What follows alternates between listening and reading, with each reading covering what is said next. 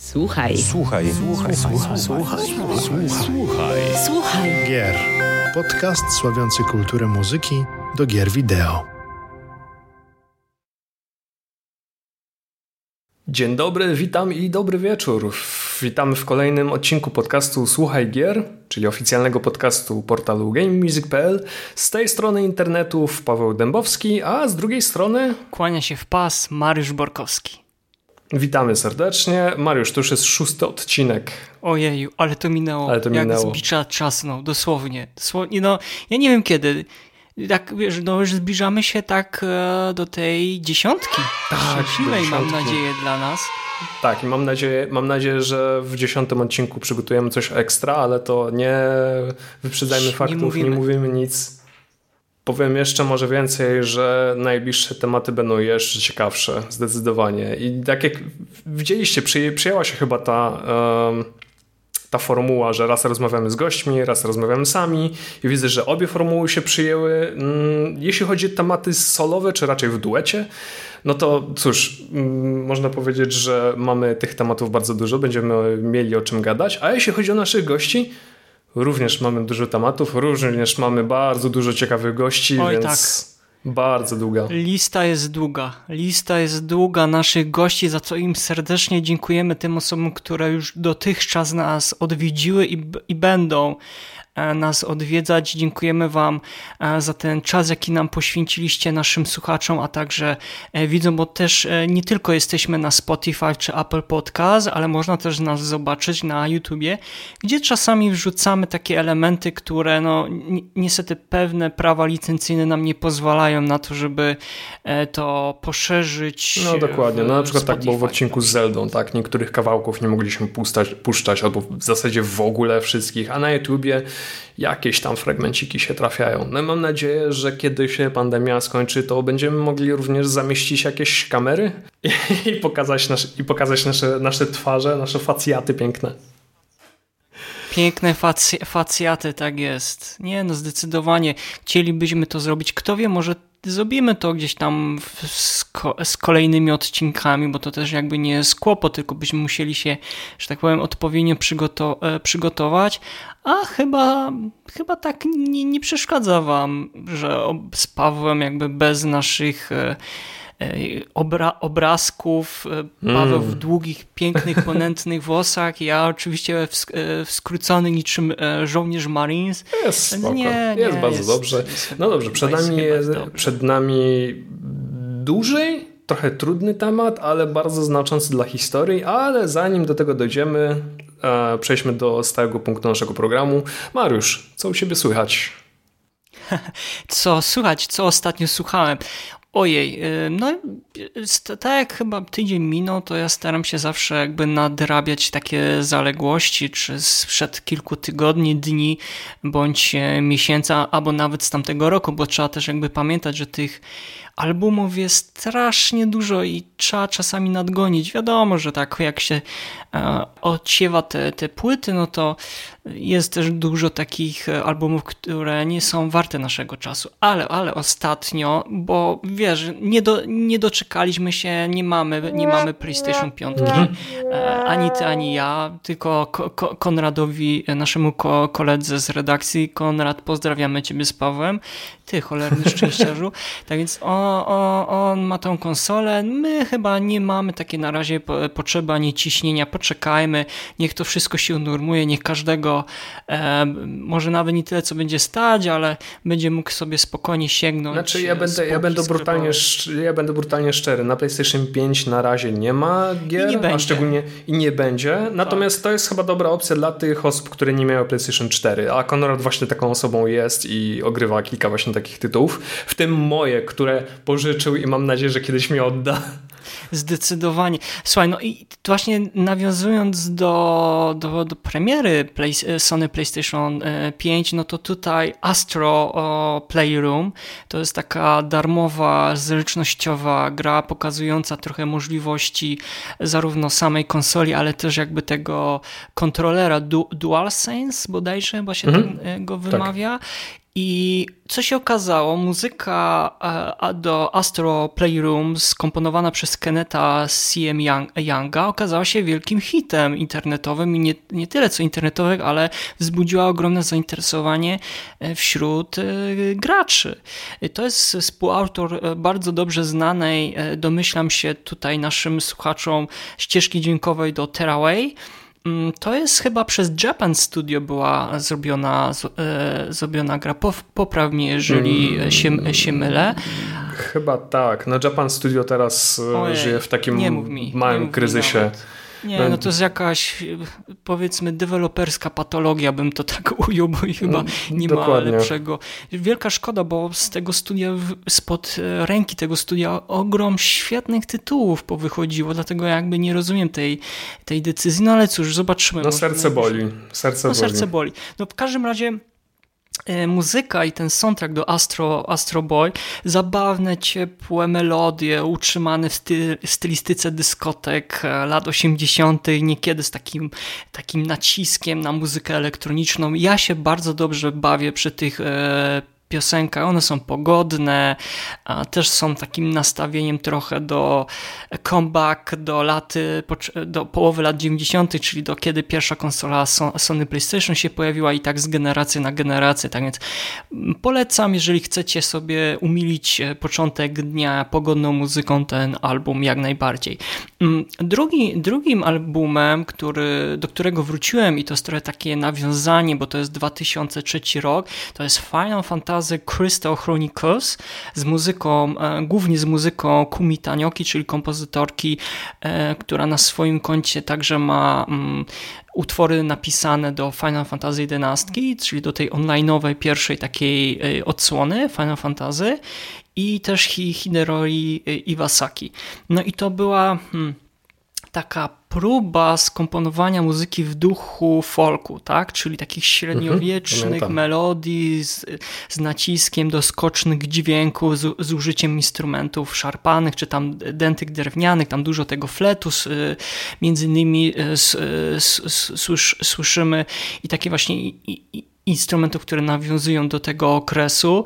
Sama gra też jakby miała trochę pecha, bo na, na, jak na GameCube, GameCube, Nintendo GameCube, jak sami wiemy, no, konsola może nie miała zbyt wiele, zbyt wiele szczęścia, no a przy, przy premierze gry takiej, takiej nazywany, nie wiem, no, no remaster, e, znowiona wersja na Switcha, no to od razu chyba po jakichś kilku tygodniach została zdjęta, no bo się okazało, że ma mnóstwo e, no, niedociągnięć. Ja też nie no była po prostu niegrywalna, tak, tak. W dużym skrócie. Tak, natomiast sama gra i tak samo jak sama muzyka była e, bardzo dobrą odskocznią do tego, co dotychczas znaliśmy, no i wtedy włodarze ze Square Enix starali się też coś e, nowego z, zrobić. No i tyle z mojej strony. A Paweł, a ty? Ja nie będę pytał o jedną serię. Wiesz co? nie, Mam nie. nadzieję, wszyscy, że coś nowego słyszałem. Wszyscy, wszyscy dosłownie mają już podziurki, podziurki w nosie.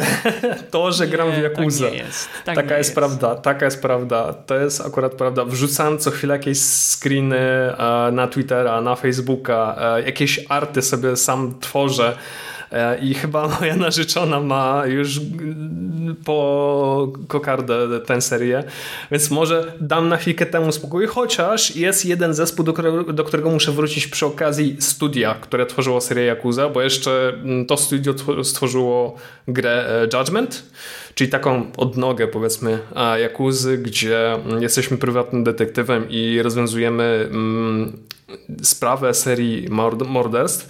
Genialna gra, polecam każdemu. Dzięki niej poznałem e, zespół j-rockowy, j-popowy mm, Aleksandros, z którego albumu Sleeping in Brooklyn pochodzi motyw przewodni, motyw tytułowy, który pojawił się na samym początku gry e, Arpeggio. Świetnie zagrany, fantastycznie. Również sprawdza się e, w, na, przy napisach końcowych jeśli ktoś grał w Judgment, to wie doskonale o co mi chodzi. Tak, idealnie pasuje do końcówki. No po prostu nah, miodzio. Jeśli chodzi o gry, e, to ostatnio i to mówiłem chyba przy okazji ostatniego czy przedostatniego podcastu, że szukam takich utworów, takich albumów, które mm, są spokojniejsze, e, mniej dynamiczne. No, powiem to tak, e, mm, nagrywamy ten podcast w momencie, kiedy odkryliśmy, że na Spotify pojawił się album z Quake'a. E, przesłucham ten album jeszcze raz, e, na pewno wieczorem, ale na pewno nie teraz. No teraz mamy jeszcze, jeszcze mamy dzień, jeszcze jestem w pracy i szukam takich, szukam takich utworów, które będą trochę spokojniejsze, Warto które nie będą które nie będą. Chwilę, Aha. Pawle, ale warto też dodać i też dać znać naszym słuchaczom, że e, muzyka z Quake'a pojawiła się także na winylu. I to tak. pierwszy raz, chyba pierwszy raz, pierwszy raz w historii to wydawnictwo ukazało się na jakimś nośniku fizycznym, bo ja, so, ja nie wiem, ja nie Też, Nie, chyba było na płycie CD. Ale chyba była dołączana do gry, bo nie, nie, oddzielnie chyba w sprzedaży jeszcze nie była. Mogę tak się mylić, tak ale tak nie wiem, jak ale... tak, jak tak My, myślę, no to chyba się to pierwszy raz pojawiło na, na, na nośniku, takim fizycznym, a szczególnie wi, wi, winylowym. Tak więc ja jeszcze, tak. ja jeszcze swojej kopii nie mam, bo czekam na nią. Wiem, że Iza, nasza koleżanka z, z redakcji Iza, Iza, pozdrawiamy Ciebie z Paweł, to, to już ma. No jestem ciekaw, jak to, czy się ta muzyka zestarzała na przestrzeni tych o, już blisko 20 już lat, nie? chyba. No, tak, jak, tak jak ja sobie przypominam, E, tę melodię. Myślę, że przypomnę ją sobie dzisiaj e, wieczorem. Myślę, że nie. Myślę, że nie. No ale wracając. Ale, tak, wracając muzyka relaksacyjna. Muzyka relaksacyjna, tak. Odpocząć. Taką relaksacyjną odpocząć dokładnie, żeby e, móc zebrać myśli podczas pracy i w tym tygodniu trafiły mi się dwa takie albumy. Jedno to jest Square Enix Chill Out Arrangement Tracks, czyli motywy z głównie z Final Fantasy w, utrzymane w formie lofi. Czyli wiesz, takie trzaskanie, takie charakterystyczne trzaski, jakbyś, nie wiem, mm, odpalał płytę winylową, deszcz, dokładnie, deszcz za oknem. Herbatka ciepła, bądź, tak, wrzątek, dokładnie. Kawa. Ja się, ja się, za, ja się zakochałem, ja się zakochałem w mm, tego typu e, melodii chyba z 2-3 lata temu, kiedy po raz pierwszy zajrzałem na jakiś kanał na YouTube, który nadawał całodobowo właśnie tego typu muzykę i słuchałem tego mm, nałogowo i kiedy usłyszałem, że powstaje również taki album z muzyką z Final Fantasy, powiedziałem sobie, jestem kupiony. I to mi tu, to, ta muzyka towarzyszy mi przez większość czasu, ale tak, jest jeszcze jedna. Ja ci wejdę jeszcze raz e, słowo, bo też jakby dobrze by było trochę rozwinąć tą myśl, bo pamiętam, że chyba 10 lat temu, czy 10 e, czy 15 lat temu Square Enix Music wpadł na taki pomysł, że będzie wypuszczać mnóstwo takich składanek e, utrzymanych w różnych jakichś konwencjach, gatunkach muzycznych. Tak, tak. I to, to się między wychodzi, wychodzi, wychodzą do dzisiaj. Tak, do dziś. Teraz na przykład zapowiedzieli wersję jazzową z muzyką do e, Sega, czekaj, do serii Sega? Saga, saga, saga. saga, saga Frontier chyba, czy, albo ogólnie z sagi mają, mają wypu- mhm. to będzie taka jazzowa kompilacja utworu, bo dotychczas to były Final, Final Fantasy, ostatnio było nawet z Final Fantasy 7 wersji jazzowej. Mhm. No była również, była pewnie e, również wersja jazzowa Chrono Triggera no na ja, przykład. Ja jeszcze pamiętam wersję chiptune, e, chiptuny z, z, różnych, z różnych tytułów ze ze Square i Enix, i, no i pamiętam jeszcze, oni zaczynali bardzo od takiego takich eksperymentalnych składanek, gdzie była muzyka taka powiedzmy klubowa i zapraszali różnych artystów, takich bardzo, mhm. którzy, którzy nie, są, nie są znani a większej, większej widowni i oni dzięki temu też ich promowali, bo mieli coś ciekawego jednak do powiedzenia. Ale okej, okay, przejdźmy Paweł teraz jakby do, do twojego... Jeszcze, tak, jeszcze jest jeden album, który e, pojawił się przez przypadek nagle na Spotify, no bo właśnie ten e, album, o którym powiedziałem jest na Spotify, ale obok niego pojawiła się również e, album z soundtrackiem do klasycznych, ulubianych przez wszystkich The Simsów, czyli z muzyką o, Jerry'ego Martina i Marka Russo. To jest, to jest nie wiem nawet jak to powiedzieć. To jest taka muzyka, do której powracam jakoś tak bardzo często, która jest łatwo zapamiętywalna i mocno relaksująca. Tak, niezależnie od tego, czy jesteś w trybie budowania, kupowania mebli, czy jesteś na mapie e, sąsiadów, jeśli tak mogę nazwać. No, nie ma na tym albumie niczego takiego, co by wywoływało mnie jakieś podwyższenie ciśnienia. Jest po prostu wręcz przeciwnie. Ja jeszcze, pamię jeszcze pamiętam jakieś dwa lata temu, chyba niespełna dwa lata temu, dwa bądź trzy lata temu, ktoś e, w mediach społecznościowych otworzył wydarzenie Zróbmy koncert z Simsami na, e, na Tauron Arena w Krakowie. Nie wiem, tak, pamiętam to. Tak. I tam było, tam było tysiące ludzi. To jest niebywałe, jak, e, jak sentyment potrafi wzbudzić w nas to, że chcemy taką muzykę E, usłyszeć, w której no, w grze spędziliśmy godziny, setki, setki godzin, tak sądzę, że ludzi, mnóstwo ludzi ogrywało Sims, jak się pojawiał, bo to był fenomen, tak, pewnego swego, swego, swego czasu. No, w, w sumie nadal jest. W sumie no. nadal jest. Jeśli dobrze pamiętam, e, czas jakiś temu zostało ogłoszone, że już trwają, znaczy plotka jest na razie taka, że trwają ponoć prace nad kolejną częścią The Simsów, bo Maxis wystawiło e, ofertę pracy, więc czekamy na to, co powie Maxis albo Electronic Arts. Simsy w VR-ze, coś takiego widzę. Nie wytrzymałbym psychicznie. I podpalasz sąsiada w VR-ze. No ale dobrze. E, mieliśmy spokojne utwory, mieliśmy spokojne nuty, mieliśmy generalnie temat e, spokoju, ale przejdziemy teraz do tematu wojny. I to nie byle jakiej, mm, bo wojny konsolowej, dokładnie. E, long story short, będziemy mówić o dwóch bardzo istotnych konsolach w życiu chyba każdego szanującego się gracza, gdzie dużą rolę odgrywał w zasadzie marketing. To była pierwsza taka wojna, mm, wojna, taka walka agresywnym marketingiem, agresywną reklamą. Mowa tu oczywiście o dwóch konsolach: Super Nintendo Entertainment System i Sega Genesis, albo u nas bardziej znane jako Sega Mega Drive. E, long story short, bo to jest historia na wiele godzin, jeśli nie dni rozmów. Mamy końcówkę lat 80. E, Nintendo Entertainment System zdobyło już Stany Zjednoczone, zdobyło mm, Europę, również Azję. W Azji oczywiście znane e, pod nazwą Famicom. E, no, Nintendo w zasadzie dominowało. Było w zasadzie Nintendo, później długo, długo nikt, później Sega ze swoim Sega Master System, później znowu, znowu nikt i później grupka jakichś e, mniejszych firm, które ja lubię nazywać jako cała reszta. I co tu dużo powiedzieć?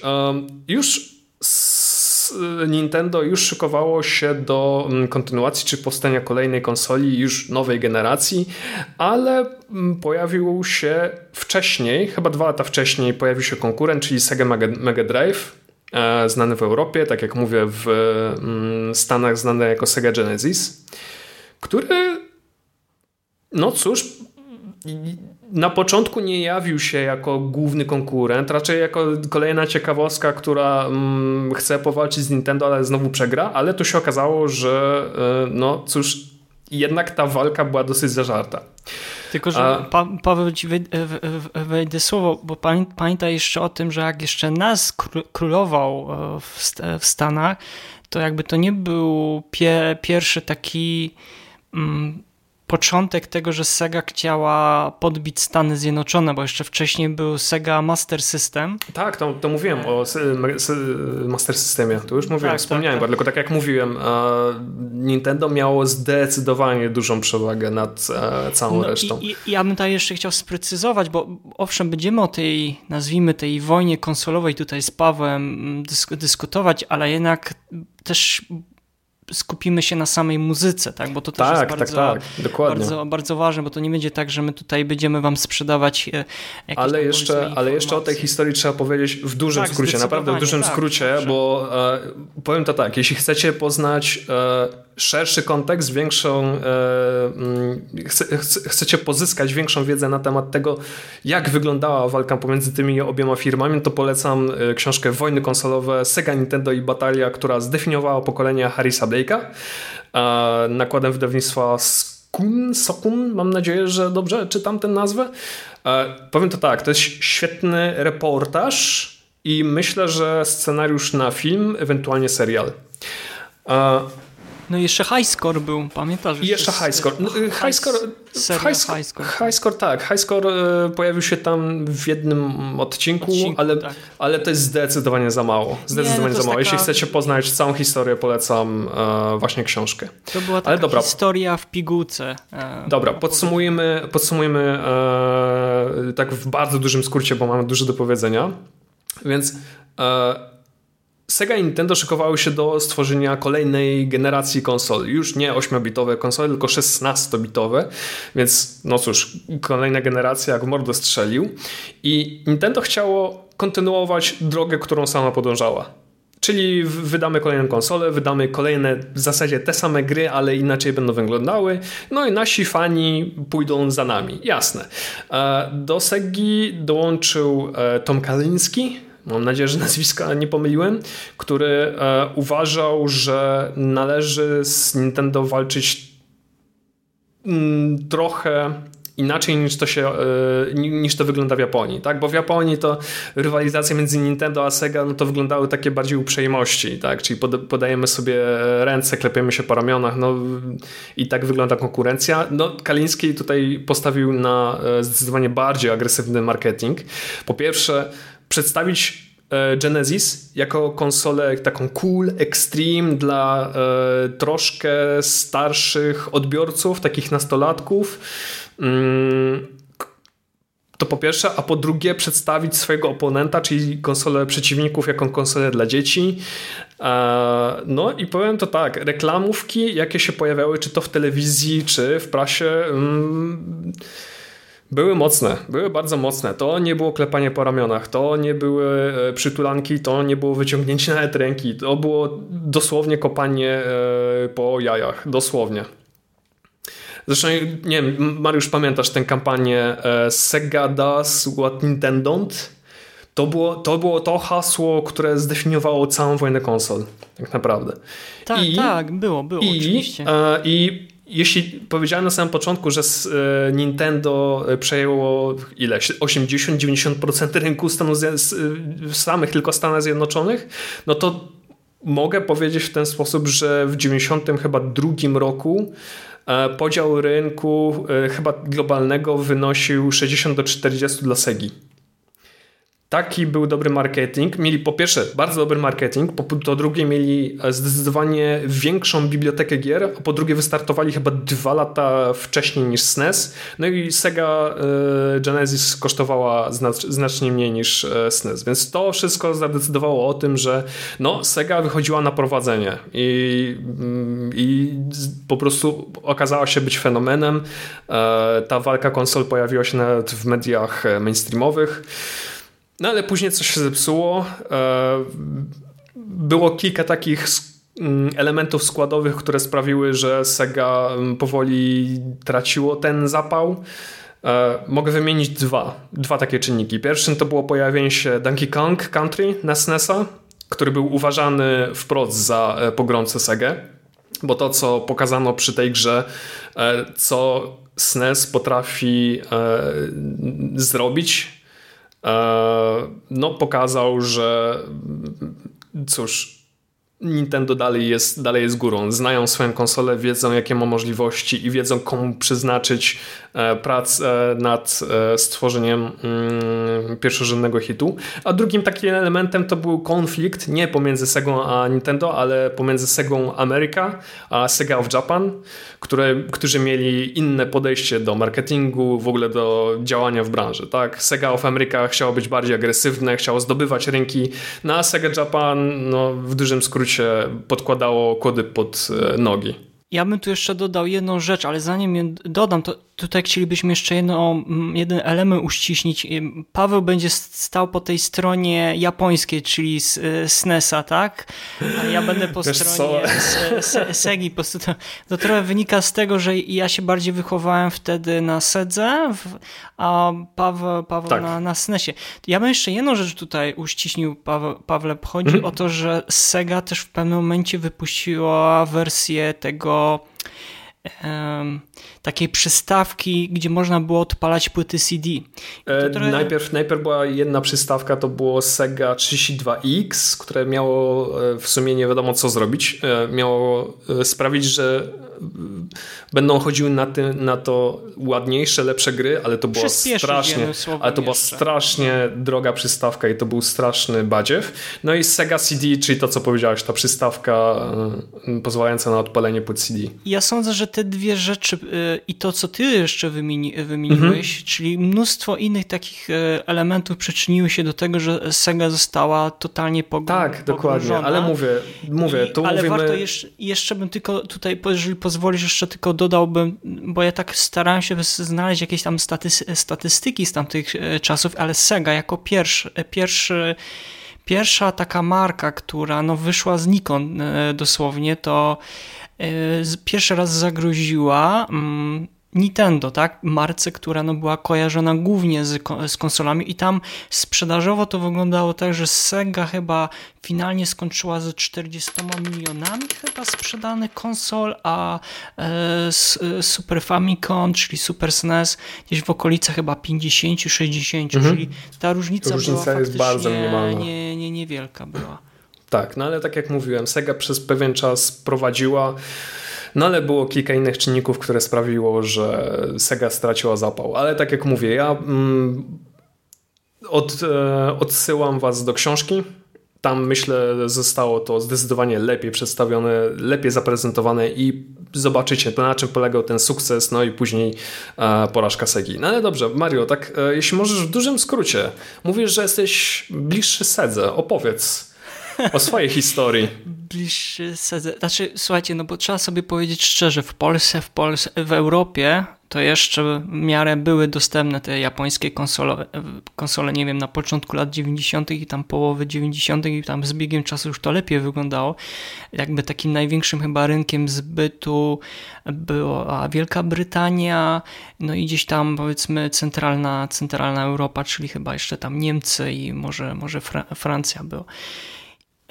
No i wie- wie- wiesz, my na przykład, Paweł, się nie mieliśmy tej okazji, żeby mieć tego NES-a, tak? Czyli e, pierwszą tą wersję takiej po, porządnej już konsoli Ni- Ni- Nintendo. No mieliśmy Z z podróbę, ogromnymi czyli No, mieliśmy podróbę. Pegasus sprowadzony Pegasusa. z Czecha, czy już z Czech, czy już No, tak. wtedy z Czechosłowacji. Mieliśmy tego Pegazu- e, nieszczęsnego Pega Pegasusa, który jakby nie patrzeć, który nam otworzył okno na świat, jeżeli chodzi o inne gry niż które były później na Commodore, na Atari i tutaj można byłoby wymienić, co nie znaczy, że były gorsze, wręcz przeciwnie. Ja sądzę, że At- Atari do dzisiaj i Spectrum i wiele innych znanych nam podręcznych kompute- komputerów no, miały genialne gry, gry, ale tutaj jakby odsyłamy już chyba do innych kanałów, między innymi Grysława, gdzie on wielokrotnie o tych e, komputerach e, mówi. Natomiast ja pamiętam, że mm, jak w minionym, znaczy w minionym, jak rozmawialiśmy w czwartym podcaście o The Legend of Zelda i tam pamiętasz, że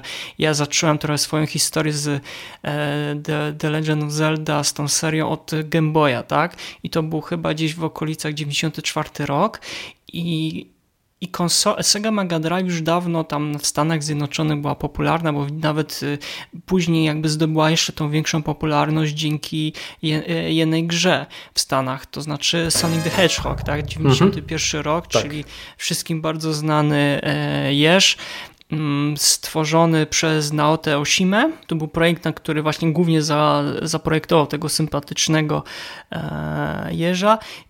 Co ciekawe, w pierwszej kolejności też gra powstała, dopiero później wrzucono ten koncept, koncept graficzny. W każdym razie to wyglądało tak, że jak mój, br e, mój brat e, miał okazję gdzieś tam za granicę wybyć, przywiózł tego Game Boya ze sobą i pamiętam, że opowiadał niestworzone historie, wiesz co, grałem w, kons w konsolę, którą no musimy mieć, tak? I on zaczął w, e, coś tam mówić, że w e, Golden Axe, ja że kompletnie nie wiedziałem, o jakich jaki grach, grach mówił. Chyba zapomniał, jak się ta konsola na, na, na, nazywała i nie wiem, czy w tym samym roku, czyli 94 o 95 roku kupiliśmy Sega, Sega Mega Drive. No bo nie było dostępu, wiesz, żeby kupić właśnie tego SNES-a, a o NES-ie to już można byłoby zapomnieć. I pamiętam, że kupiliśmy tą konsolę z, z, z Soniciem.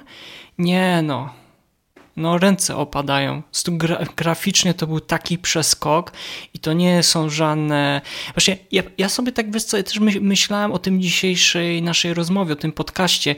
My fajnie, jakby nie patrzeć, jakie były te czasy, to myśmy w złotej erze takich... E, złotej erze takiej elektronicznej rozrywki e, urodziliśmy się, ponieważ byliśmy świadkami tego, jak ta era się zmieniała, jak się ta era tych konsol zmieniała, jak się ta mhm. grafika zmieniała i na przykład my jesteśmy w pełni świadomi tego, jak to wszystko wyglądało i jesteśmy bardziej w stanie na przykład docenić niektóre gry, e, nikomu nie umniejszając, ale jak na przykład patrzy się na te przeskoki teraz tych wszystkich generacji z trzeciej na czwartą, e, czy nawet e, z drugiej na, na trzecią, ten PlayStation, no tam gdzieś by, było już, był taki niewielki widać ten przeskok, tak? Ale później już te kolejne literacje konsol, ja nigdy już później nie zauważyłem tego takiego zachwytu. A jak ja zobaczyłem pierwszy raz Sega Mega Drive i zagrałem w Sonika, no to to było dla mnie ogromne, ogromne przeżycie. Dwoma takimi kolejnymi grami, które no, wbiły się w pamięć i wywarły na mnie bardzo duże mm, takie pozytywne wrażenie, to był mój ukochany Rocket Knight Adventure z 93 roku. I pamiętam, że że jak trzeba, żeby, żeby przejść na wyższy poziom w tej grze, to trzeba było na początku przejść podstawowy poziom gry, ale bez zapisywania, bo tam nie było możliwości zapisywania. Tam chyba nawet nie było, nie było chyba też kodów, bo czasami pamiętasz, było coś takiego, że jak kończyłeś jakiś tam poziom, czy byłeś w połowie gry, to dostawałeś kod, który wystarczyło później po wyłączeniu konsoli e, wrzucić i mogłeś jakby odtworzyć na nowo. I pamiętam, że do czerwoności e, rozpalałem konsolę i też adapter, który, pod, który no, zasilał, zasilał sam sprzęt i ogromnie, bardzo z dużym sentymentem tą grę przypominam. To polegało na tym, że byłeś taką myszką w, w, sku, znaczy w skórze w odzianą w pancerzu i były tam różne takie elementy zarówno zręcznościowe, jak i przygodowe. On uderzał tam chyba mieczem. No ogólnie polecam, żebyście sobie sami gdzieś tam wyszukali e, Rocket Knight Adventure na, na YouTubie. No i ostatnim tytułem, który, który ogrywaliśmy wspólnie z bratem wielokrotnie, to było Street of Rage 2 z 92 roku mm. i pamiętam, że nie mieliśmy drugiego kontrolera, i wiesz co robiliśmy? E, podłączaliśmy joystick z Commodore 64, ale jak, jak, jak może wiecie, bądź też nie, kontroler od Segi Mega, e, od Segi Mega Drive miał 6 przycisków, a joystick miał ledwie, ledwo dwa i można było tylko odpalać albo specjała, który tam dziś, nie wiem, zabierał 20 czy tam 15% życia i skok. I to była no była mordęga językowa, a, a żeby kupić drugi kontroler, kurczę, gdzieś trzeba było się najechać. W ogóle zdobywanie gier wtedy, w tamtym czasie było cho cholernie trudne, szczególnie nie wiedzieliśmy wtedy, że większość tych gier, które myśmy kupowali, to nie były oryginalne, tylko to były butlegi. I tam się jeździło do Chorzowa, do jakichś tam sklepów, czy na giełdę, żeby kupić, bo oryginalne gry były drogie, a już można było zapomnieć o tym, żeby kupić drugi kontroler. I tak w skrócie, ja pamiętam bardzo miło wspominam tą, e, tą konsolę, bo pomimo tego jakby tego przeskoku i tych gier, które miały do zaoferowania, to był taki dla mnie bardzo radosny przystanek do momentu, kiedy pojawiły się pierwsze informacje o Sony PlayStation, tak? Bo to było gdzieś niespełna, nie wiem, 94-95 rok, a później, czyli 2-3 lata ogrywania na tej, na tej konsoli um, pozwoliły mi przeżyć ten okres, kiedy, kiedy Sony PlayStation się pojawiło. Oczywiście na tą Sega Mega było wiele, wiele więcej gier, ale o których tutaj raczej nie będę raz mówił. Natomiast te, te trzy tytuły to dla mnie były takim, są nadal takim ciepłym wspomnieniem mojego dzieciństwa. Pawle, Pawle, a jak u ciebie to było? Jak ty, jak ty, jak ty zyskałeś tą konsolę i nawet nie mówisz o tych grach? Masz jakieś takie gry, które bardzo miło wspominasz z tamtego okresu powiem, powiem to tak, ty powiedziałeś taką y, dwie rzeczy. E, jedna jest taka, że między mną a Mariuszem jest e, kilka lat różnicy. Mariusz jest zdecydowanie starszy ode mnie. I pan, i jak wiesz, mówisz, że kupiliście konsolę w 95 roku, no ja miałem 5 lat wtedy. A Druga taka rzecz to to, co powiedziałeś, że żyliśmy w tych pięknych czasach, że e, mogliśmy zobaczyć, jak te konsole się zmieniały. To jest akurat fakt, tylko my żyliśmy też w takich trochę biednych czasach.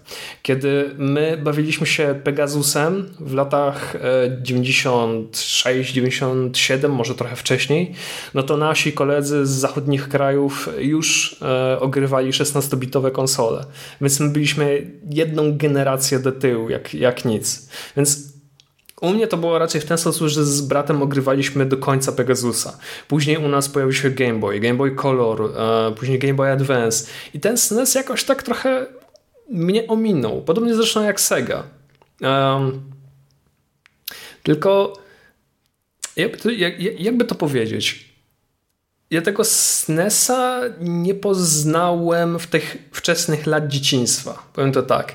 Pierwszą, pierwszą y, grą, w którą zagrałem i y, można po powiedzieć, że była pierwotnie stworzona na SNESa, to był Chrono Trigger. Tylko, że graliśmy w ten tytuł z bratem na PlayStation, na szaraczku naszym. E, I dopiero po x latach, już nie, pamiętam kiedy dokładnie, po x latach e, dowiedziałem się, że ta gra pierwotnie powstała na inną konsolę. I kiedy zacząłem się dowiadywać, zacząłem sięgać trochę głębiej, to nagle nauczyłem się, że istniało coś takiego jak SNES, że istniało coś takiego jak e, Chrono Trigger na SNESa, że istniało coś takiego jak Secret of Mana, Super Metroid, Super Mario i tak dalej, tak dalej, więc te gry no ta biblioteka gier e, się w mojej głowie powiększała. No cóż, nie miałem chyba, tak mi się przynajmniej wydaje, nigdy nie miałem u siebie konsoli, jeśli chodzi o SNESa. Jeśli chciałem pograć w jakieś gry, no to cóż, emulator. W zasadzie został, pozostał mi emulator. Ale to był taki jedyny moment, kiedy mogłem te gry poznać. I ja się w nie zakochałem, w nich po prostu się zakochałem. To był taki te, dla mnie to było takie naturalne przejście z 8-bitowego Pegasusa, tudzież NESa, na 16-bitowego, e, na 16-bitową konsolę Nintendo. Takie bardzo naturalne przejście z jednej konsoli tej samej firmy na, na e, drugą z Game Boyami w tak zwanym międzyczasie, więc trudno się tu doszukiwać jakiejś takiej romantycznej historii. No u mnie to tak jak mówię, to było raczej bardziej naturalne przejście. Jeśli chodzi o Segę, ujmę tak, dla mnie Sega w tamtych czasach nie istniała jako producent e, konsoli. Ja wiedziałem, że istnieje taka firma jak Sega, że tworzy gry na automaty, e, w które grałem czy to nad morzem, czy w Sulejowie. Wiedziałem, że istnieje coś takiego jak Outrun na przykład, czy Crazy Taxi i że te automaty stały obok automatów na przykład SNK. Ale o istnieniu Segi e, jako producenta konsol mm, dowiedziałem się chyba dopiero w czasie, kiedy e, został wydany Sega Dreamcast. Czyli ostatnia, ostatnia konsola Segi i myślę, że mm, jedne, jeden z tych sprzętów, o którym mógłbym powiedzieć, że gdyby nie kilka głupich decyzji e, wyższej instancji, no to myślę, że pokonałaby PlayStation e, w przedbiegach. Także dla mnie Sega, no mówię, przez większość mojego czasu nie istniała, nie wiedziałem, że coś takiego istnieje. O Sonicu dowiedziałem się no nie wiem, chyba trochę przez przypadek, grając e, u kolegi, ale też nie wiedziałem, czy e, on to gra na konsoli Nintendo, czy na Sedze. Nic mi takiego nie powiedział. Po prostu zaprosił mnie kiedyś na e, grę na konsoli i nawet nie byłem świadomy tego, że gram na Mega Drive, więc tak to u mnie wyglądało. Ta historia jest dosyć dziwna. Nie, nie, słuchaj, mnie na przykład przypomnia, przypomniałeś mi na przykład, że faktycznie był taki moment, że nikt wcześniej nie słyszał o Sedze, a wszystko się chyba zaczynało od automatów, bo oni tak, z tego na dokładnie. początku zasłynęli. Tak, dokładnie, bo... Zresztą 16-bitowe te, zanim się Sega Mega Drive czy Sega Genesis pojawiły, to były te 16-bitowe automaty, tak, że tam właśnie ty mówisz o tym Outrun, a Outer Beast chyba był i tam również mhm. E, jeszcze, jeszcze, jeszcze kilka można byłoby tutaj tytułów wymieniać i ja też pamiętam, że zanim z bratem nabyliśmy tą, tą konsolę taką domową, to graliśmy, zakrywaliśmy się na, na automatach. No więc właśnie, także mówię, u mnie taka historia tych wojen konsolowych, czy w ogóle konsol, to była w zasadzie kwestia przypadku. Ja nie byłem wtedy hardkorowym, świadomym graczem, tak jak, e, no nie wiem, dzisiaj. No może hardkorowym to za dużo powiedziane, ale na pewno nie byłem taki świadomy, tak? U mnie te konsole nie pojawiały się... platyn? U mnie wyrabiasz platy. nie wyrabiam, nie robię platy, nie gardzę platynami. A u mnie te konsole w domu pojawiały się trochę przez przypadek, trochę przez reklamy, bo pamiętam, że kiedyś Game Boy był reklamowany w prasie growej. Pamiętam żółtego Game Boya, który się e, reklamował w kliku. No ale to tylko dlatego, że z ekranu wylatywał na moją twarz Pikachu. A, a cała reszta to jest kwestia przypadku tak naprawdę po wielu, po iluś tam latach, tak jak powiedziałem, po iluś tam latach dowiedziałem się, że istniało coś takiego jak Sega Mega Drive, że na tym pojawiały się jakieś gry, ale jeśli miałbym być szczery, tak patrząc z perspektywy czasu, gdybym miał wybierać między grami e, Segi Mega Drive, a SNESem, no to u mnie i tak wygrałby SNES. Nie wiem, może dlatego, że te tytuły po prostu znałem, lubiłem i dla mnie wyglądały i brzmiały również lepiej i, tym oto no, inteligentnym przejściem. Słuchaj, z tym brzmieniem to właśnie za chwilę będziemy właśnie. E, mówić, ale chciałem tylko jeszcze tutaj na sam koniec dodać e, tego rozdziału. Aj, ja zepsuł że... mi przejście.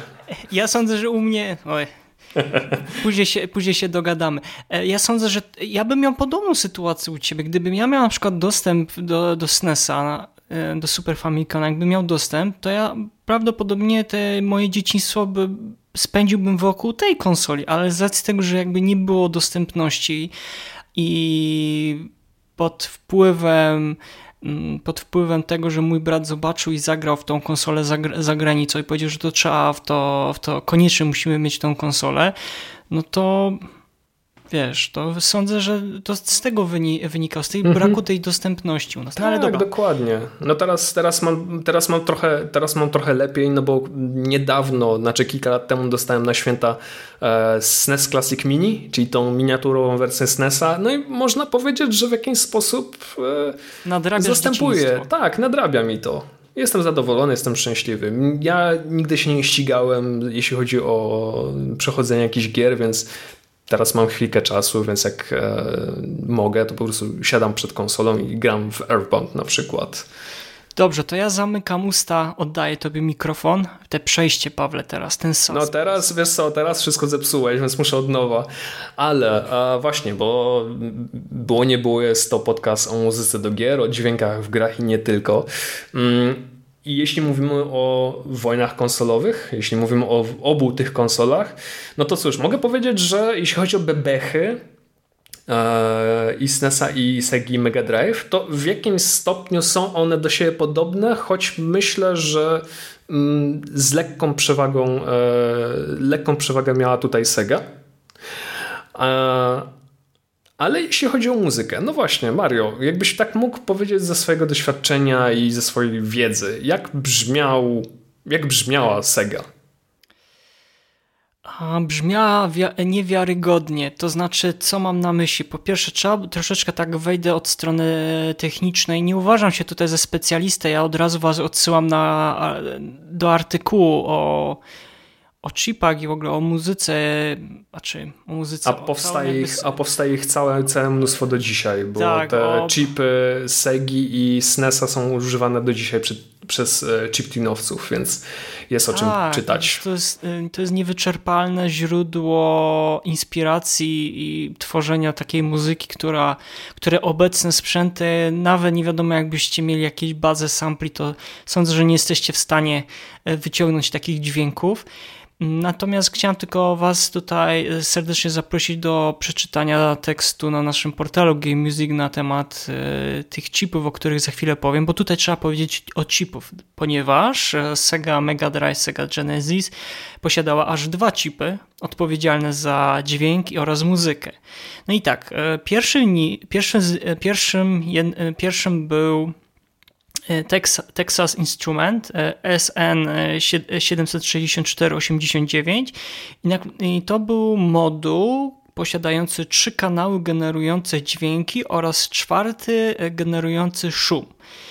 I teraz był drugi. Mm, drugim chipem był, był Yamaha. To jest dosyć bardzo znany chip Yamaha mm, M2612, który aż 6 kanałów stereo posiadał do przetwarzania sygnału cyfrowego oraz jeden kanał PCM, to jest Pulse Code Modulation e, do sampli. No i przetwarzanie takiego syg sygnału istniało już w, oczywiście w konsolach już 8-bitowych, ale ulepszenie go do 16 bitów no polepszyło jak na tamte czasy znacznie jakość audio.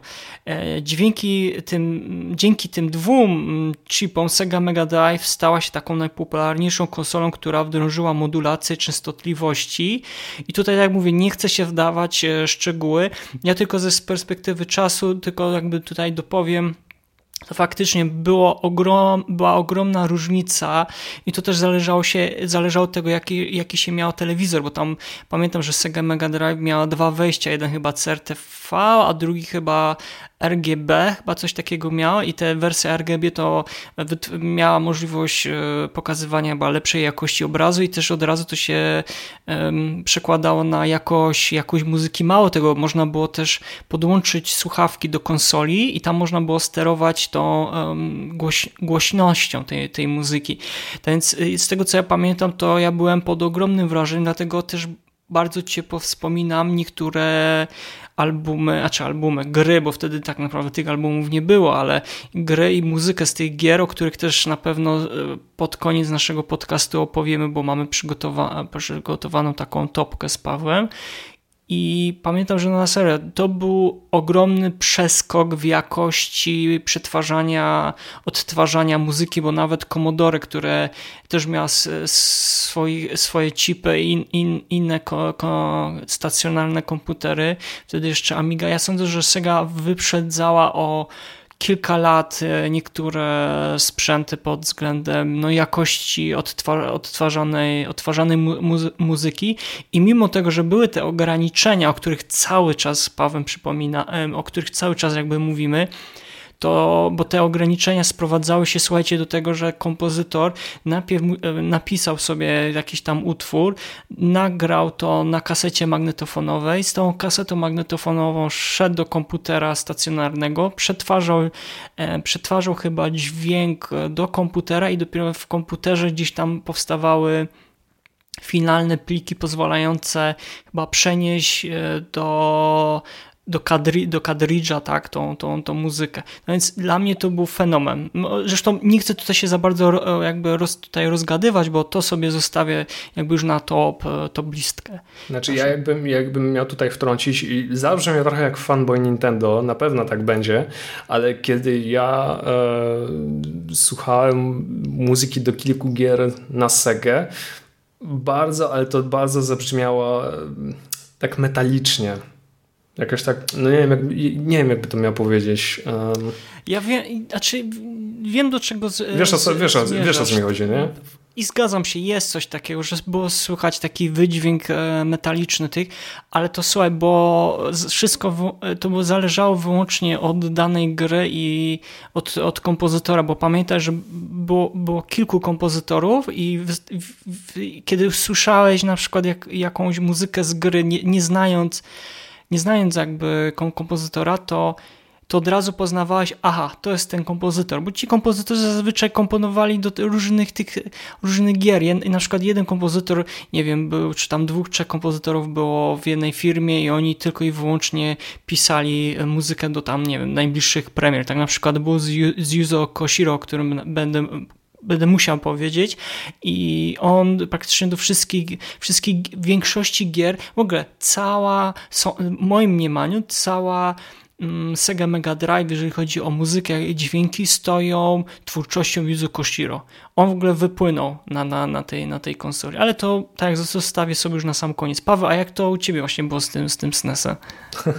Wiesz co, powiem to tak. Uh jeśli sprzętowo o SNES, jeśli, tak, jeśli chodzi o sprzętowo, no to podobnie jak Mariusz. Jeśli chodzi o takie kwestie techniczne, no to jest duże prawdopodobieństwo, że w czymś się pomylę, za co już z góry przepraszam, ale SNES przetwarzał dźwięk za pomocą dwóch takich chipów. Jeden znajdujący się w, w rdzeniu konsoli, a drugi za pomocą procesora DSP.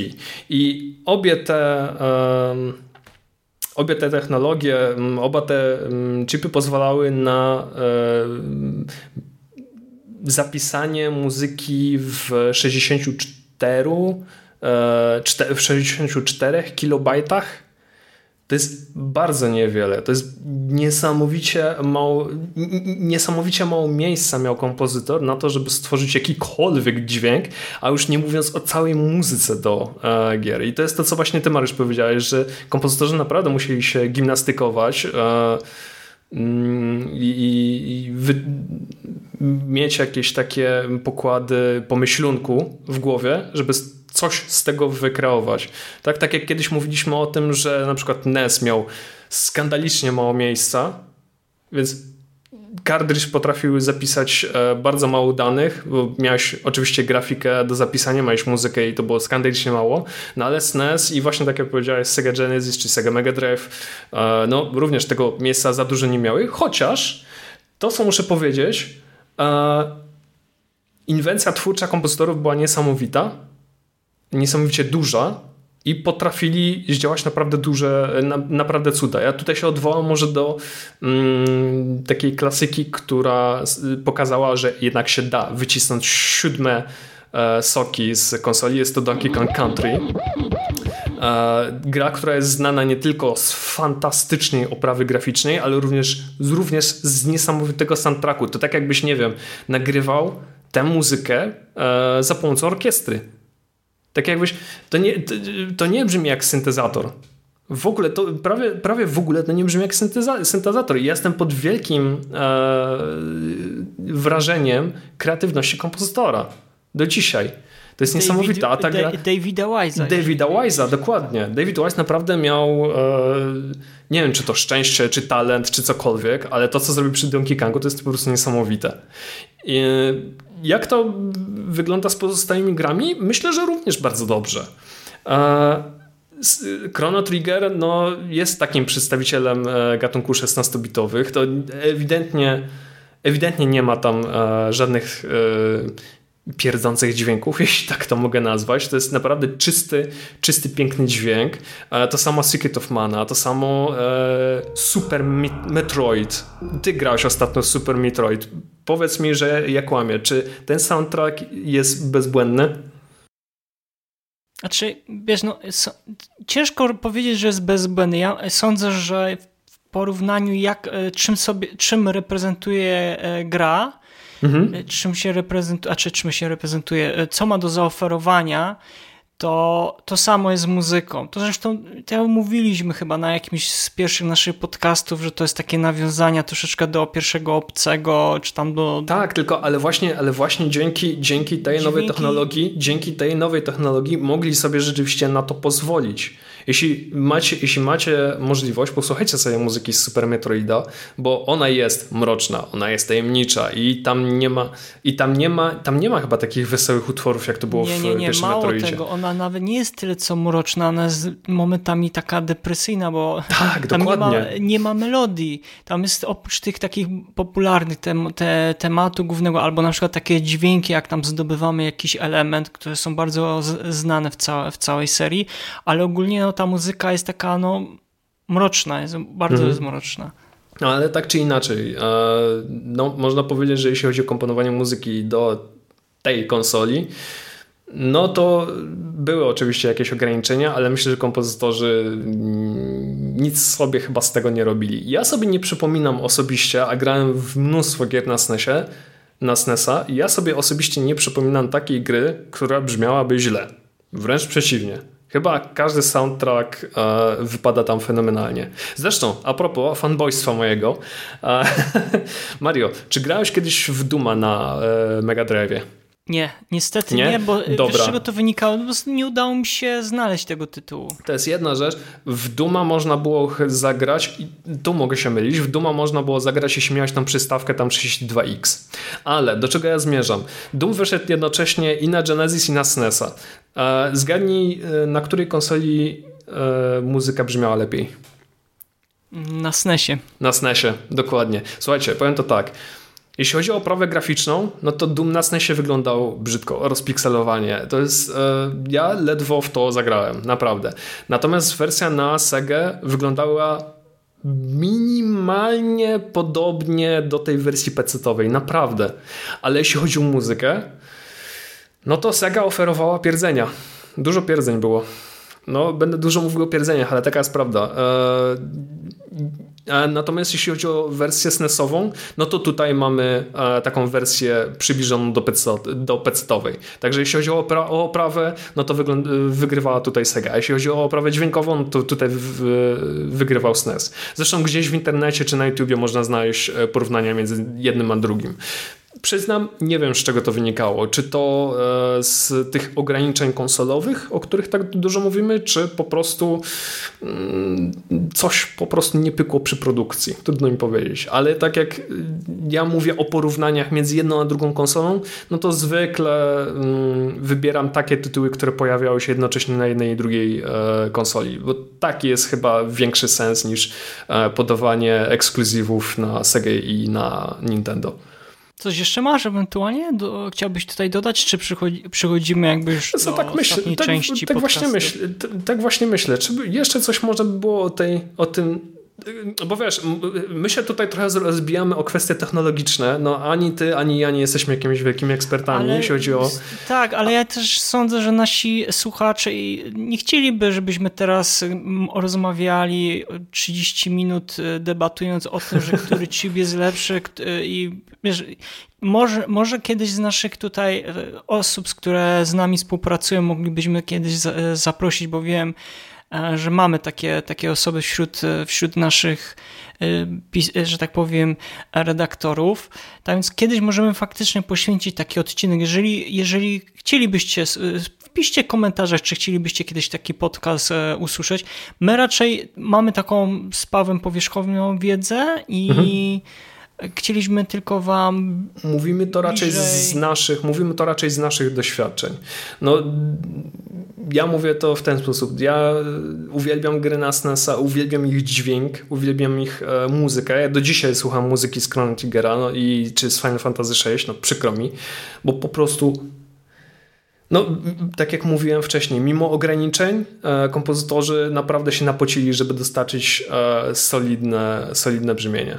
Natomiast z tą Segą no mówię, z tą Segą, no to trudno mi cokolwiek powiedzieć, bo ja, ja grałem w, jeśli chodzi o Mega Drive, grałem w co, w Sonika i w Outrun, a całą resztę to tak bardzo powierzchownie i raczej mi ta konsola troszkę odrzucała, przyznam. Ja bym na przykład podsumował tak, że muzy muzyka, dźwięki ze SNESa, one miały taki charakter ciepły. Tak, o taka, właśnie, tego mi to, brakowało. To był dokładnie. taki ciepły charakter, ciepły. No to jeżeli chodzi o Sega Mega Drive, to jest to, co ty powiedziałeś, on był metaliczny. I to są, sądzę, że jest świetne podsumowanie. To jest tego, najlepsze podsumowanie, te, dokładnie.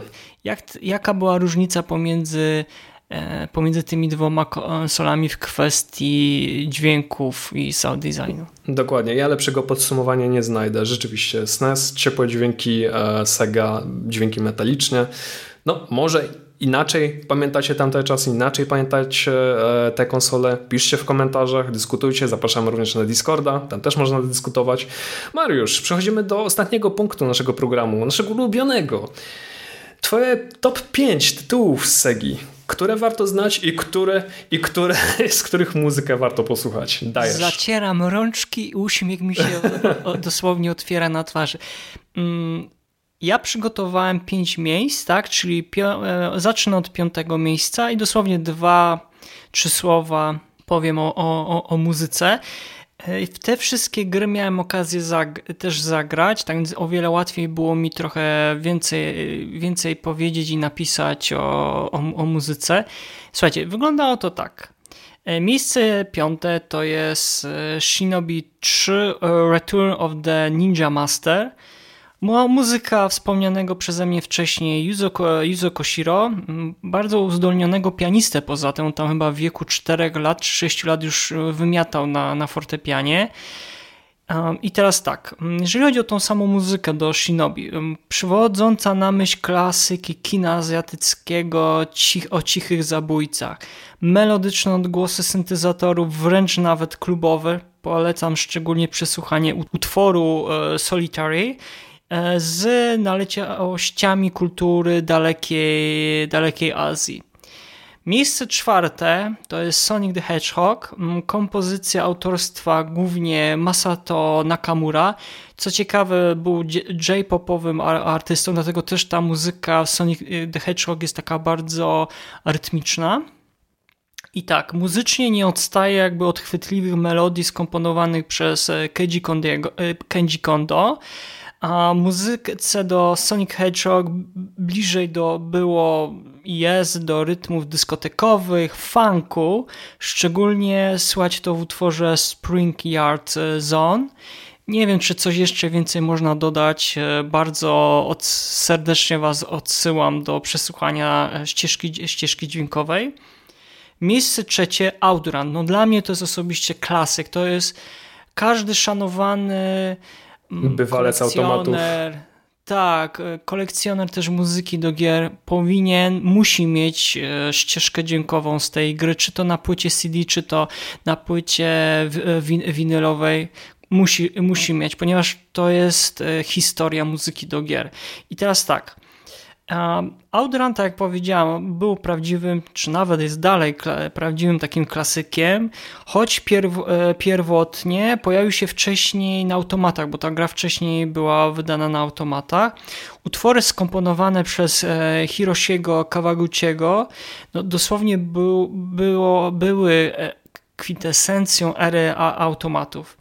I teraz tak, ciekawostka, przed startem wyścigu zawsze wybieraliśmy muzykę w postaci takiej radiostacji czterech utworów o różnych jakby takich e, gatunkach muzycznych. One były te gatunki, czy tam te kompozycje były zazwyczaj bardzo rytmiczne, utrzymane właśnie wcześniej wspomnianej stylistyce pop bądź J-pop oraz e, rocka. Mm, no, koniecznie przesłuchajcie. Drugie miejsce, no to jest dla mnie trochę taki sentyment z dzieciństwa, czyli e, Rocket Knight Adventure i to jest dzieło godne zespołowi kompozytorów z Konami Kuheika Club. Masanori Oushi, Akihata i uwaga teraz, Mishiru Yamane, Castlevania, ukochana hmm. Pawła. Tak jest. E, I...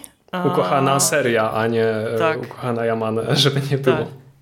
Mishiro Yamane, tak jest, e, Masanori Adachi, Hiroshi Kabayashi i Akira Yamaoka, czyli Silent Hill. Bo sądzę, że nie, niewiele osób o tym wiedziało, ale że on też jakby grzebał e, przy muzyce. No i co? Muzyka w tej grze jest przepełniona barwnymi, dynamicznymi melodiami, momentami agresywną elektroniką, o której, e, czyli tym metalicznym brzmieniu, o którym tutaj kilka razy już z Pawłem wspomnieliśmy, ale finalnie piękne, brzmiące utwory towarzyszące e, naszej, naszej podróży.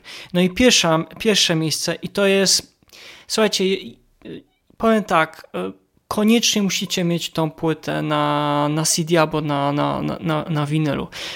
To jest kwintesencja muzyki do gier, to jest to, z czego Sega Mega Drive, Sega Genesis słynęła.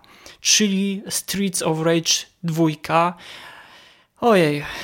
Ojej. To jest kompozytor, e, czyli Yuzo Koshiro w pierwszych dwóch odsłonach Streets of Rage zastosował tutaj nieznaną jeszcze wcześniej nikomu w Japonii technikę modulacji syntezatorów marki Roland. Tu troszeczkę tak technicznie chciałbym opowiedzieć.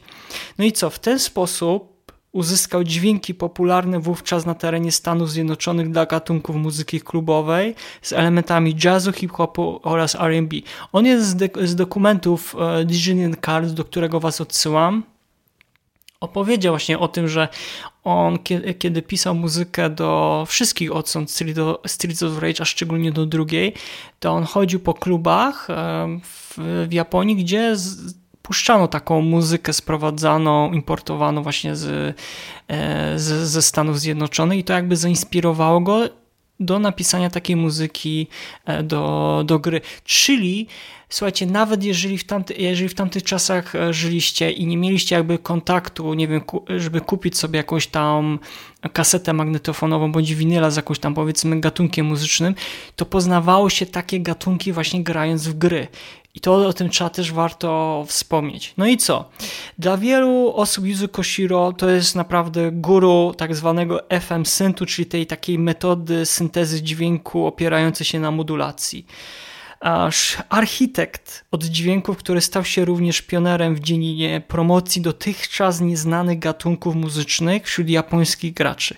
No jego wkład jakby w rozwój muzyki do gier wideo w dalszym ciągu jest doceniany, czego najlepszym dowodem jest seria filmów dokumentalnych Digital Cars, o których e, właśnie teraz e, e, wspomniałem gdzie na jednym z odcinków przedstawiono jego profil artysty oraz jego pracę nad muzyką Street of Rage.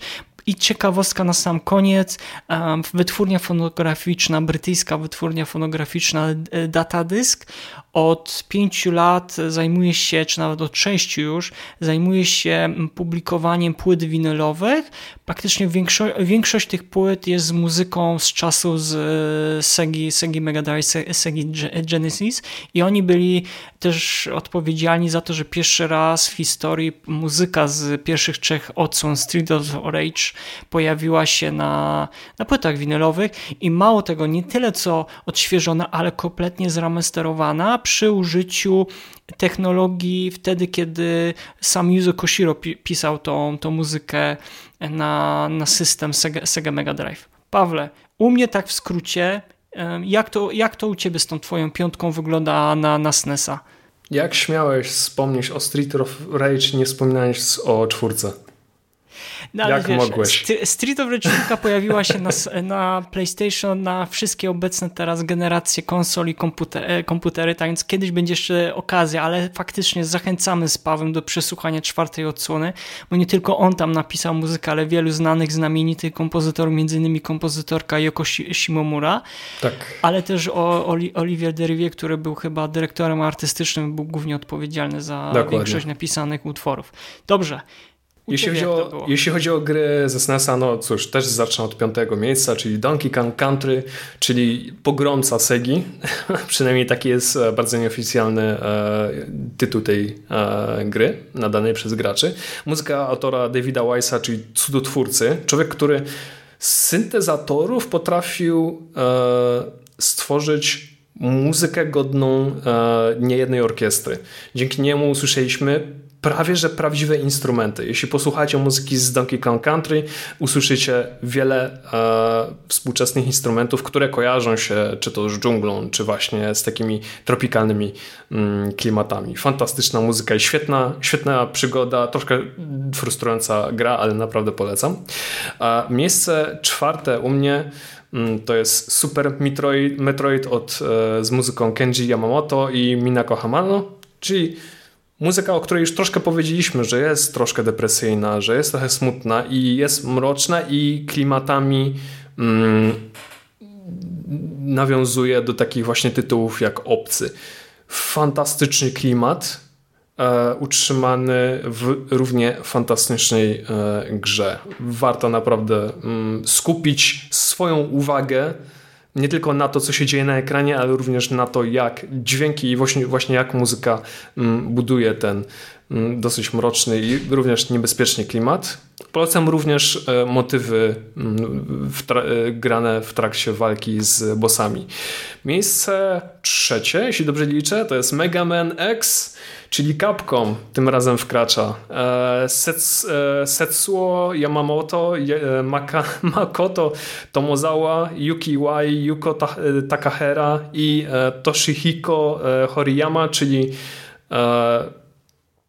no cóż, większa część ekipy Capcomu, która tworzyła mm, muzykę do wszystkich poprzednich odsłon Megamena. No ja pamiętam E, wszystkie, e, wszystkie sześć odsłon Megamena z, z NES-a, z Pegasusa i liczyłem, że dostanę taki sequel, który będzie mi odpowiadał. No, trochę się zawiodłem, powiem szczerze. Dostałem tak naprawdę tytuł, który kopniął mnie w jaja i później, kiedy leżałem, e, no to dostałem również skopa w głowę. Tak bardzo mną tu rzuciło. To jest to jest sequel, na który, e, na który czekałem i o który nic nie robiłem. Natomiast jeśli chodzi o muzykę, mocno energiczna, inspirowana takim e, rokiem lat 90., e, bardzo energiczna, bardzo dynamiczna, no i zdecydowanie oddaje to, co się dzieje na ekranie. Jeśli lubicie adrenalinę, jeśli lubicie pomęczyć swoje palce na padzie, zdecydowanie polecam. Miejsce drugie Final Fantasy, czyli Nobuo Uematsu. Człowiek, który e, tym tytułem e, dał jasno do zrozumienia ludziom, że nie istnieje coś takiego jak nieograniczenia, ale istnieje coś takiego jak e, wolność twórcza. Powiem to może na takim przykładzie. Na SNESie nie można było odtwarzać wokali. No, jasna sprawa, taka, taka, mm, taka była technologia. Zamiast tego e, Umatsu w taki sposób wykorzystał swoje synchrony w Aria di e, Mezzo Karate, tak się ten utwór nazywa, czyli podczas sceny w, w operze, że postać, która śpiewała, no cóż, naprawdę śpiewała. Ona nie brzmiała, ona nie była niemową, nic z tych rzeczy. Ona naprawdę śpiewała e, tekst na scenie. Cała cała ta scena, cała, cały ten moment w operze wyglądał prześlicznie i ja się w tym momencie zakochałem, ale cały soundtrack to jest tak naprawdę jeden, jedno wielkie spektrum uczuć. Czuję się gniew, czuję się radość, czuję się smutek, czuję się depresję, e, czuję się, no nie wiem, wolę walki, jeśli tak to mogę nazwać. Naprawdę, całe spektrum emocji. To jest jeden z tych soundtracków, które, do którego bardzo często powracam e, i przypominam sobie te wszystkie sceny, e, którym e, ta muzyka mm, towarzyszyła. No i miejsce pierwsze. No, Mario, powiem szczerze, nie będziesz zaskoczony. To jest Wcale gra. To jest gra, od której zaczęła się moja przygoda z JRPG-ami, do której bardzo często wracałem. I również ogrywam ją teraz na swoim e, kanale Twitchu, polecam, zapraszam, czyli Chrono Trigger, czyli muzyka Yasunori Mitsudy i również poniekąd również Nobuo Matsu, ale Mitsuda jest tam, myślę, tym e, głównym sprawcą. No trochę mnie zatkało. Nie mam dlatego pojęcia, co o tej muzyce powiedzieć. To jest... E ty no, jako największy fan, Paweł. Ja Paweł. jako największy fan, tak, bo naprawdę, wiesz co, targają mnie takie emocje, kiedy mówię o tej grze, o samej tylko grze, a co dopiero mówi się o samej muzyce. Bo to jest RPG, japońskie RPG w najczystszej postaci. Tam jest przygoda, tam jest akcja, e, tam jest e, mnóstwo wzruszeń, mnóstwo e, zdrad, przyjaźni. No mnóstwo takich wątków, do których ta muzyka po prostu pasuje. Mamy wesołą melodię graną podczas festiwalu, mamy troszkę mroczniejszy klimat, kiedy przenosimy, do tych, e, przenosimy się do tych e, czasów mm, średniowiecznych, jeśli tak mogę powiedzieć. Epok. E, Dokładnie, mamy mocno depresyjne motywy grane w czasach przyszłych, czyli ten rok 2000 później, 2300, przepraszam. Mamy te motywy takie prehistoryczne, kiedy przenosimy się te miliony lat wcześniej. Naprawdę nie wiem, co o tej muzyce powiedzieć. Ona jest po prostu, ona jest, ona, ona po prostu pasuje do wszystkiego. Ja bym jeszcze dodał to, że Mitsuda wyciągnął ostatnie soki, tak jak to zrobił w przypadku e, Dokładnie. Chrono Crossa, o którym kiedyś na pewno będziemy mówić i to było ze Sony PlayStation. Dokładnie, ale... ja, się mogę, ja się mogę podniecać Final Fantasy, ja się mogę podniecać e, Secret of Mana, którego również nie zamieściłem na tej liście, chociaż powinienem, ale to jest to, co mówisz. On wycisnął z tej, on wycisnął z tej e, konsoli ostatnie soki. Ja, wiesz, jak ja na przykład, ja mam ten sam problem co ty, to znaczy nie jestem w stanie e, wszystko jako całość opisać muzykę, jak ona jest. Dlatego ja zawsze się skupiam na jednym utworze, którym to, który to jest Frog Team. Frog Team, tak jest! A dlaczego? Bo uważam, że to jest... Ja wiem, że tam jest mnóstwo genialnych tematów muzycznych, ale ja mam, ja mam taki sentyment do Frog Team, bo ponieważ jak ja pierwszy raz grałem w tą grę jeszcze z, z możliwością, znaczy były te animacje takie i pamiętam, że jak Frog Team jak trzyma, chwyta e, po rękojeść miecza, Masanu, unosi w, mhm. gó w, górę i ten taki, taki podniosły temat i to, i to tak. jest właśnie pokazuje ten taki, ta podniosłość, która jest, ta melodyjność bogata, różnorodna. Sądzę, że znaczy, to jest, to, jest, to jest taki motyw, który pokazuje tragiczność e, samej postaci Froga, jeśli ktoś grał, to wie o czym mówię, że na początku mamy taki e, spokój, taką ciszę, jak jakby postać się zastanawiała nad tym, kim jest i co chce osiągnąć, a później to, co mówisz, czyli takie solidne walnięcie, tak? taką heroiczność. Taki może trochę patos, ale taki bardzo przyjemny. No, ja bym, ja bym tak w kilku słowach opisał te... Tak, i plus to jeszcze... jak, no, jak soundtrack właśnie do plus Chrono jeszcze Triggera cały, brzmi. cały soundtrack Chrono Triggera jest też, myślę, ponadczasowy. Oj, zdecydowanie. On się kompletnie nie zastarzał. On się w Kompletnie ogóle nie zastarzał i naprawdę, jeśli przesłuchacie sobie muzykę ze współczesnych JRPG, no to zobaczycie, że mm, one brzmią trochę tak samo, podobnie. Może coś się tam Bliżej zmienia w melodii. Bliżej im do produkcji zacho e, zachodnich, Zachodnich, gier, dokładnie. filmów, niż, e, niż, ale to kiedyś sobie na inny temat zostawimy. Natomiast Chrono że teraz- Trigger, tak jak mówię, jest ponadczasowy i trudny do przerobienia.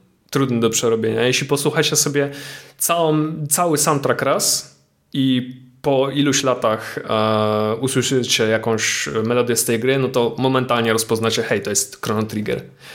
Tak to u mnie wygląda. Ale jest zdecydowanie, wiesz co, ta lista tych top 5 to jest zdecydowanie za mało. tych Ale gier, jest problem, tych gier, zawsze jest, jest tych gier jest zdecydowanie za dużo. Mario. No nie wiem, jak się, nie wiem nawet jak zakończyć ten podcast. Nie wiem, jak zakończyć to spotkanie.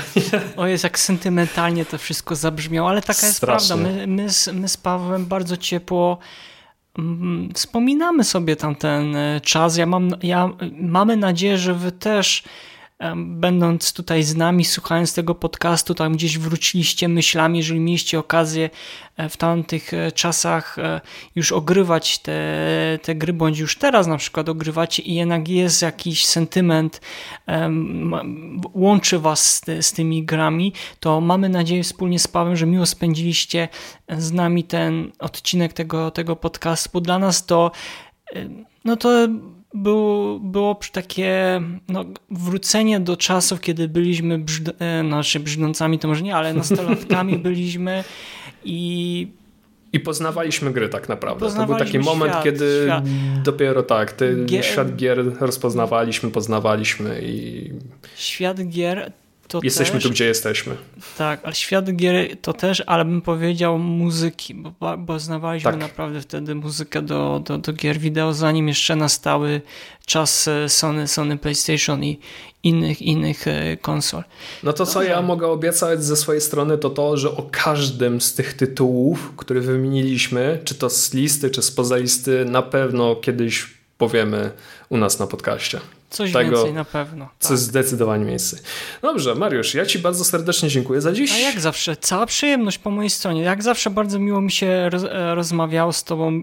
Minęło to szybko. Mam Bardzo nadzieję, szybko. że, że wam też minął ten czas słuchając e, Jasna dzisiaj. sprawa. Dawajcie nam znać, co sądzicie o tym odcinku i w ogóle o całym podcaście. Zapraszamy i na stronę internetową, i na Facebooka, i na naszego Discorda. A tymczasem, no cóż, żegnam się z Państwem, a dokładnie żegna się Paweł Dębowski. No i oraz kłania się w pas Mariusz Borkowski, który Was zaprasza też do odsłuchiwania podcastu na Spotify, Apple Podcast, no i na YouTube, jeżeli chcecie zobaczyć jakieś wizualizacje. Super. Dziękujemy. Do usłyszenia. Dziękujemy. Do usłyszenia. Trzymajcie się. Słuchaj, Słuchaj, słuchaj, słuchaj, słuchaj, słuchaj. słuchaj. Gier. Podcast sławiący kulturę muzyki do gier wideo.